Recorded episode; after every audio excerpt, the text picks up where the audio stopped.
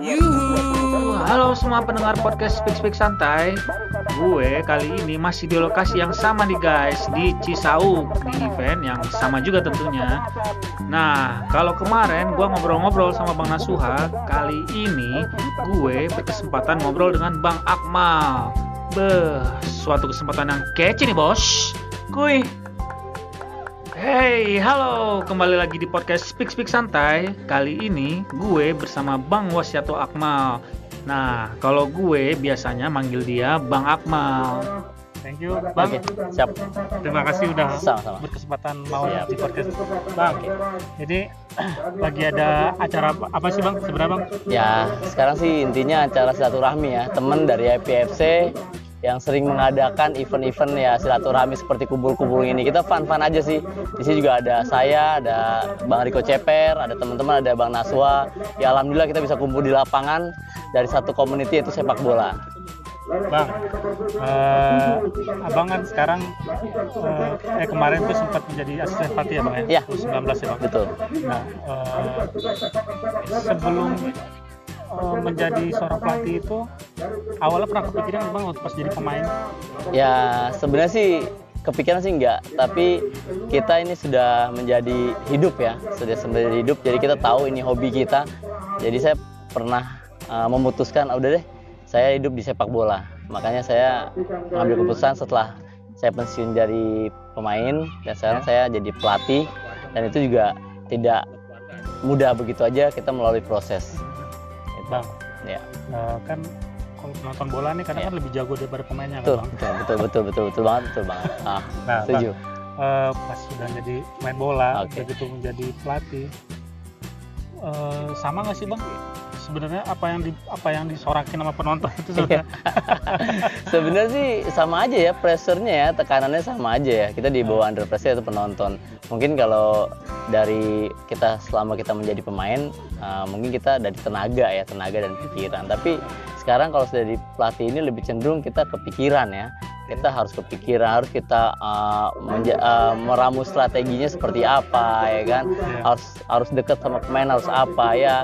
Yang pasti tanggung jawab sebagai pelatih ini lebih lebih jauh lebih besar ya daripada seorang pemain. ya. Pelatih ini karena, karena cuma satu gitu loh. Iya. Kalau pemain kan banyak ya kan, pemain kan banyak. Nah, pelatih ini inilah tantangan bagi saya sebagai seorang pelatih itu ya tanggung jawabnya malah lebih besar lagi. Gitu. Soalnya kan kadang tuh eh, ada orang misalnya komen, ah pelatihnya sih udah tahu dia nggak bisa gini-gini ngapain Iya. Sih taruh nah Iya. sebenarnya se- segampang itu apa gimana sih bang? Ya nggak- semudah itu juga sih. Kalau saya sih intinya pelatih ini sekarang saya merasakan alhamdulillah tahun ini tahun 2020 ini saya diangkat menjadi head coach U20 Persija Jakarta. Wow. Ya selama tiga tahun saya menjabat asisten. Sekarang saya dipercaya uh, menjadi head coach. Ini bagi saya ini menjadi suatu ujian amanah juga. ya kan? Tapi di sinilah uh, tantangan buat saya bagaimana saya dari awal ini harus uh, banyak belajar. Nah, bang, Banyak belajar. dari belajar banyak belajar itu segala macam, bang.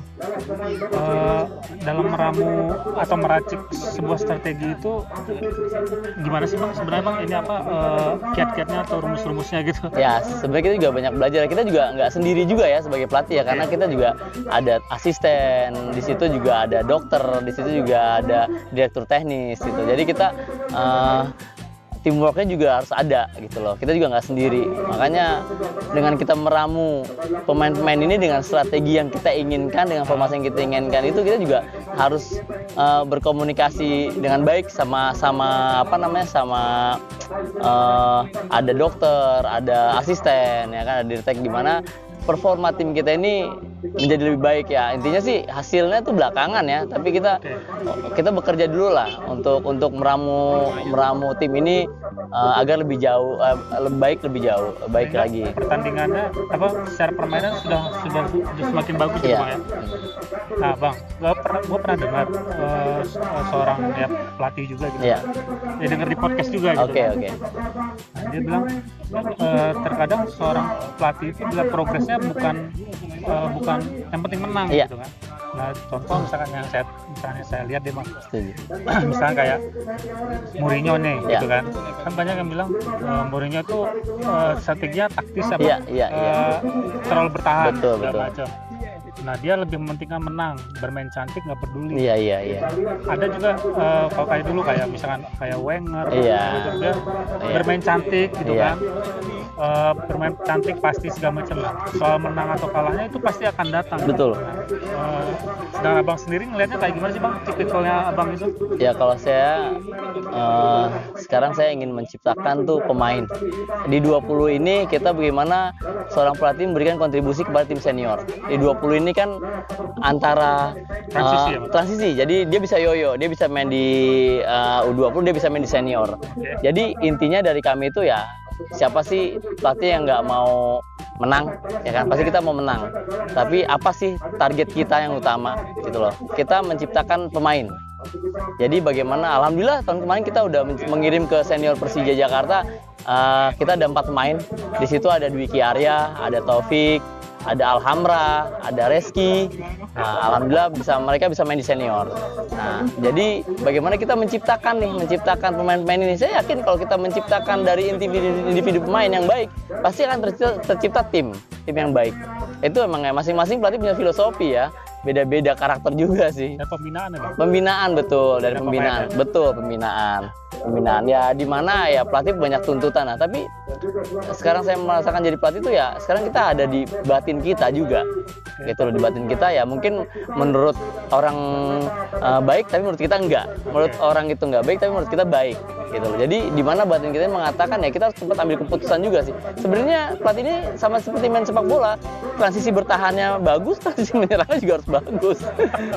seperti juga. Bang, eh, untuk pemain U20 ini bang, kalau gua sih ngeliatnya merasa gitu ya, Hmm, merasa gitu. Eh, kenapa ketika pas sudah sampai di level tim senior gitu, Hmm. kayaknya pemainnya seperti eh, kurang greget gitu bang. Iya, iya, ya itu kembali ke masih mental ya. Jadi butuh proses juga sih. Bagaimana pelatih itu memberikan suatu kepercayaan pada pemain. Ya. Intinya itu. Mungkin di level di 20 ini dia udah udah jauh performanya lebih percaya diri ya, mentalitinya lebih baik lah. Tapi pas mereka masuk senior tuh pasti mereka juga agak segan di situ. Inilah dibilang dibilang mentality. Seorang pemain itu sangat penting sekali. Di mana di situ ada senior senior ya kan, levelnya juga lebih tinggi, pressernya juga lebih tinggi, banyak penonton ya kan ya seperti itu. Apalagi misalnya di GBK itu, Ya, audiensnya luar biasa. Dan alhamdulillah bang, saya juga sekarang tidak hanya di Elite Pro Academy, saya juga di pembinaan usia dini. Saya punya sekolah bola. Mungkin nanti abang bisa main sekolah bola saya, kita banyak sharing. Ya di sana juga dari anak-anak umur 6 tahun, umur 8 tahun, 9 tahun hingga 15 tahun. Nah bang, kalau umur umur segitu kan eh, umur 6 tahun segala macam, eh, itu kelihatan dia ada bakatnya tuh gimana sih bang ngeliatnya bang? Jadi untuk umur 6 tahun itu kita untuk ngeliat yang bakat itu sangat kecil sekali ya, minim sekali ya. Jadi kita menciptakan dulu nih anak-anak ini senang dengan sepak bola. Oh, Jadi ada yang oke, mereka oke, oke. ya saya sih selama lima tahun enam tahun ini di eh, apa berkecimpung ya berkecimpung di sekolah bola berkecimpung di pembinaan. Jadi yang saya lihat nih mereka bisa kok kita rubah, mereka bisa kok kita latih, mereka bisa berubah kok dari nggak bisa main bola jadi bisa main bola. Nah bang, terus untuk menemukan seseorang ini dia bagus di striker atau nggak dia bagus sebagai pemain gelandang Iya. atau bagus sebagai pemain kiper itu dari mana bang? Jadi sekarang kami ini di Elite Pro Academy atau di tempat-tempat tim lain, jadi saat, eh, pemain itu tidak hanya berfungsi satu posisi. Jadi kita Oh, harus banyak eh, melakukan eh, alternatif salah satu posisi mungkin pemain satu bisa di wingback, satu bisa di sayap kanan, mungkin bisa di gelandang atau bisa di center back. Masing-masing pemain itu minimal bisa dua posisi.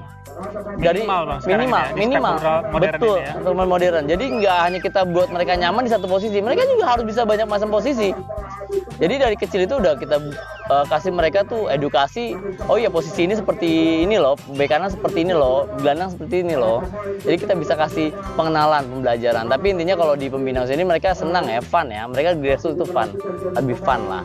Nah, Gitu. kalau kalau kayak eh, tadi bang cerita itu pembinaan itu tuh ada textbooknya nggak sih bang? Ada, kita ada, kita Oh, ada iya. kurikulumnya. Oh iya. kita ada kurikulumnya di pembinaan itu kita kurikul- kur- kurikulumnya ya kan dan alhamdulillah kan sekarang kita punya Villanesia jadi Villanesia itu bisa kita pelajari baik-baik kita bisa ambil ilmunya ya kita ambil lah baik kok itu bagus banget kalau bagi saya alhamdulillah saya kemarin juga habis ambil lisensi B BAFC Uh, nah di situlah kita bagaimana lisensi? kemarin ambil lisensi habis satu bulan. Oh, Habis satu bulan. Jadi kita modul pertama dua minggu kita istirahat habis itu kita dua minggu lagi mod- modul kedua. Kemarin di Jogja ambil lisensi, lisensi B alhamdulillah. Nah sekarang kita bagaimana nih? Uh, tidak hanya kita berkontribusi kita bekerja di di level-level atas dan kita juga harus berbenah di level bawahnya. Di grassrootsnya di youthnya kita harus berbenah. Membahas berbenah semua. cikal bakalnya ya bang. Cikal cikal bakal betul banget cikal bakalnya untuk mereka gimana. Ya jujur aja sih eh, selama saya mengadakan talent scouting itu di beberapa daerah ya ya jujur aja Oh, iya, kit- kit- jadi gini malah saya belum mendapatkan pemain yang mencuri perhatian pemain yang benar-benar spesial. Wonderkid, wonderkid. Wonder Wonderkid gitu loh. Apa kayak Messi gitu wah ini gini. Itu tuh minim sekali gitu. Makanya saya bilang kok kok bisa begini? gitu loh belum belum wah wah ini Messi nih kayak Messi nih ah itu belum kita dapat nih sampai saat ini nih yang salah ya bang ya? Misalnya gini bang, kan eh, kita tuh banyak di ya istilahnya gini, eh, banyak lapangan-lapangan bola di Indonesia. Iya iya iya betul tanah, betul betul Anak-anak betul juga bermain bola. betul gitu betul kan. betul Eh, sama dengan di benua seberang sana yang jauh Betul. kayak Brazil gitu Betul. kan. Gitu. Nah, tapi kayaknya mereka setiap setiap tahun atau setiap itu tuh ada aja muncul bibit muncul muncul bibit muda betul betul Yang gocek segala macam iya itu. betul. Ya yang pasti mereka juga nggak mudah ya untuk talent scouting ya. Yang pasti juga mereka menciptakan. Yang saya kembali lagi yang tadi saya katakan kita ini bekerja keras untuk menciptakan pemain-pemain yang bertalenta. Jadi kalau yang bertalenta itu emang udah ada dari kecil justru itu yang kita lebih waspadai. Kenapa? Mereka lebih cepat puas. Oh. mereka lebih cepat puas. mereka lebih cepat eh, bangga diri. Jadi Karena di saya sekitarnya di sekitarnya lebih jago dia, ya. ya Oh, dia oke. merasa lebih jago. iya. lagi. saya malah me- lebih lebih cenderung dengan pemain-pemain yang benar-benar mereka nih konsisten dengan latihannya dan dengan step-step. Ya alhamdulillah sekarang di Indonesia udah banyak eh, apa pembinaan ya. Sekarang udah ada ibaratnya udah ada IJL Indonesia Junior League dari umur 9, 11, 13 ada Kompas ada top score ya kan? Ada IJSL macam-macam. So naik lagi ada Elite Pro Academy di U16 U18 U9 U20 ya kan? Luar biasa ya kan? Terus ya, ya banyak kesempatan-kesempatan untuk main muda ini berkiprah gitu loh melakukan. Nah satu yang terpenting ini kompetisi kita di daerah-daerah ini sangat minim Oh. Nah, kan kita kan ini macam-macam nih nih, Bang ya. Banyak lah daerah-daerah kita yang terpencil. Justru banyak juga talent-talent dari sana juga pasti banyak saya yakin. Enggak hanya di Jakarta. Enggak hanya di Jakarta. Nah, gimana Sosok kayak di Papua di gitu, Papua banyak banyak di Papua mungkin di timur di barat di tengah di keti wah tapi mereka minim untuk berkompetisi gitu loh sekarang kompetisi kan hanya di Jakarta kan kayak Liga Toso mungkin Bandung juga ada nah bagaimana biar merata lah intinya pembinaan ini merata Tapi bang, sepak bola ini kan eh, ya bukan hanya tentang skill kan. Ya. Eh, fisik juga Betul. harus di ini. Nah, betul pembinaan fisik itu apa sih bang yang yang udah dilakukan selama ini yang udah existing selama ini bang? Ya, eh, jadi kalau untuk fisik ini kita sekarang tuh udah ada pelatih fisik. Kita hanya tidak hanya pelatih teknis, tidak hanya head coach, tapi sekarang udah ada eh, apa coaching dari physical, ya kan? Jadi kita bisa tahu sejauh mana nih anak-anak ini pemain ini mempunyai fisik yang baik dan performa yang yang, yang sangat maksimal. Jadi di situ kan kita dari kalau level Elite Pro Academy ini kita juga juga ada medical check up, Oke. terusnya juga ada tes uh, fisik itu mungkin satu bulan sekali atau dua minggu sekali atau dua bulan sekali kita ada ada kayak blip test ya kan ada speed endurance ada semuanya gitu loh Nah terus kalau untuk mengolah fisik sendiri bang, kalau yang yang yang yang gue tahu nih bang, kalau misalkan kayak di pemain luar lah, Iya. kita, kita contohkan misalkan Ronaldo lah, Iya, iya, iya, iya. dengan postur tubuhnya, betul betul yang betul. prima kayak. betul betul betul Nah, eh, itu kan dengan kemauan sendiri Bang, Nah, ada nggak sih bang kayak untuk me- menyemangati anak-anak muda itu untuk melakukan hal-hal yang seperti itu gitu karena dengan fisik yang baik otomatis teknis apa pun bisa diterima dengan baik pula gitu. Iya betul. Nah, sekarang kan juga kita kan sudah ada yang tadi saya kembali lagi kan kita ada pelatih fisik ya. Sekarang kita Tapi sudah lebih lengkap. Melakukan. Kita juga ada fitness, kita ada Oh. gym, kita beberapa kali. Dan sekarang juga latihan kita lebih intensifnya tuh lebih banyak bermain dengan bola ya kan. Saya juga ada gym. Mungkin nanti saya undang lah. Kita main-main ke Elite Pro Academy Persija. Siap. bisa lihat Mau sejauh banget. sejauh mana kok Elite Pro ini. Mungkin Boleh bisa. Boleh kenapa enggak? Boleh. Boleh. nanti kita ke Elite Pro. Dan di situ juga ada akademi Persijanya yang yang membina pemain-pemain itu yang apa yang dari nol dari umur 12 sampai 17 ya, alhamdulillah sekarang nih luar biasa saya sangat recommended buat Persija Academy karena di situ juga programnya bagus, makannya bagus, tempat istirahatnya tidurnya bagus, Pola makan pola makannya bagus. Tapi bang, Indonesia kan dikenal dengan belum kenyang kalau belum makan nasi. Iya iya betul. itu dia. Sebenarnya pola makan nasi itu harus diatur apa gimana sih bang untuk semua atlet gitu bang? Kalau nasi sih nggak juga ya. Jadi sekarang yang saya perhatikan di malah di eh, program nutrisi dan gizi ini di Persija Academy ini ya dari apa ya dari bumbu-bumbunya sih agak dikurangin kayak mecin, Oh, minyak-minyak gitu loh. mecin ya. Nah, generasi mecin tuh MS itu yang harus dikurangin mecinnya Iya, ya. Ya luar biasa sih. Ya kalau namanya nasi sih emang udah ke, udah habit kita ya, kebiasaan iya, yang nggak bisa iya, dikurangin. Yang penting ya seimbang dengan pola latihan kita juga. Gitu loh anak-anak. Nggak ada masalah sih. Saya merasakan saya di Diklat juga dulu makan banyak ya. Latihan kita juga banyak ya. Latihan kita juga maksudnya full penuh itu nggak ada masalah gitu justru kan pemasukan apa namanya karbohidrat kita kan juga harus bagus Iya Nah gitu, em, ya alhamdulillah sih sekarang kalau saya lihat saya dari pembinaan usia dini, dari akademi, dari sekarang elite pro gitu loh. Ya pelan-pelan lah semua harus masuk mela- melalui proses lah seorang pelatih. Jadi kita banyak uh, experience ya kan, banyak tantangan juga ya kan. Pesan dan kesannya apa nih bang? Untuk Ah. anak-anak yang ingin jadi pemain bola Pesan-pesannya profesional. untuk menye- men- sepak bola profesional. Jadi gini bang, rata-rata banyak orang tua memasukkan anak anaknya ke sekolah bola itu tidak berpesan oh iya anak gua masuk sekolah bola buat main bola profesional itu enggak. Kalau sekarang anak-anaknya masuk jauh dari gadget. Masuk sekolah bola jauh dari eh, perlakuan negatif atau eh, apa ya eh, eh, maksudnya mereka punya ada teman-teman yang negatif lah gitu. Mereka banyak di sepak bola lah itu banyak seperti itu. Kalau untuk menjadi pemain sepak bola prof- profesional itu benar-benar dituntut ya. Kalau saya merasakan tuh dulu emang saya dari sekolah bola itu emang latihannya yang rajin rutin. Support dari orang tua juga harus luar biasa gitu loh. Harus sabar gitu loh. Jadi emang proses itu nggak nggak nggak nggak cepet nggak simsal kalau sekarang kan orang tua oh simsalabim anak gua harus jadi begini ya nggak bisa kayak gitu juga gitu loh. Ya pokoknya intinya rajin latihan terusnya juga rajin banyak mengikuti kompetisi-kompetisi kayak gitu ya. Kita jangan berharap lah kalau kita berharap terlalu jauh nanti kita kecewa. Banyak kok yang kita berharap tapi mereka nggak nggak nggak ekspektasinya jauh melenceng kan dari yang sesuai dengan harapan kan. Ya bang, semoga Iya. Persija dan PSSI bisa semakin luar biasa. amin amin amin amin. Bang, itu siap. sama-sama. Ada, ada waktunya buat saya. siap. Pokoknya nanti uh, bisa bermain di mungkin di Elite Pro Academy. Kita datang. Ke sana juga nanti bisa bisa wawancara sama Pak Ganesha Putra dengan sebagai dir- direktur tenis. Ya kan? Kalau saya kan Wah, lebih banyak berkecimpung berkecimpung di apa namanya di apa di grassroots. Ya kan?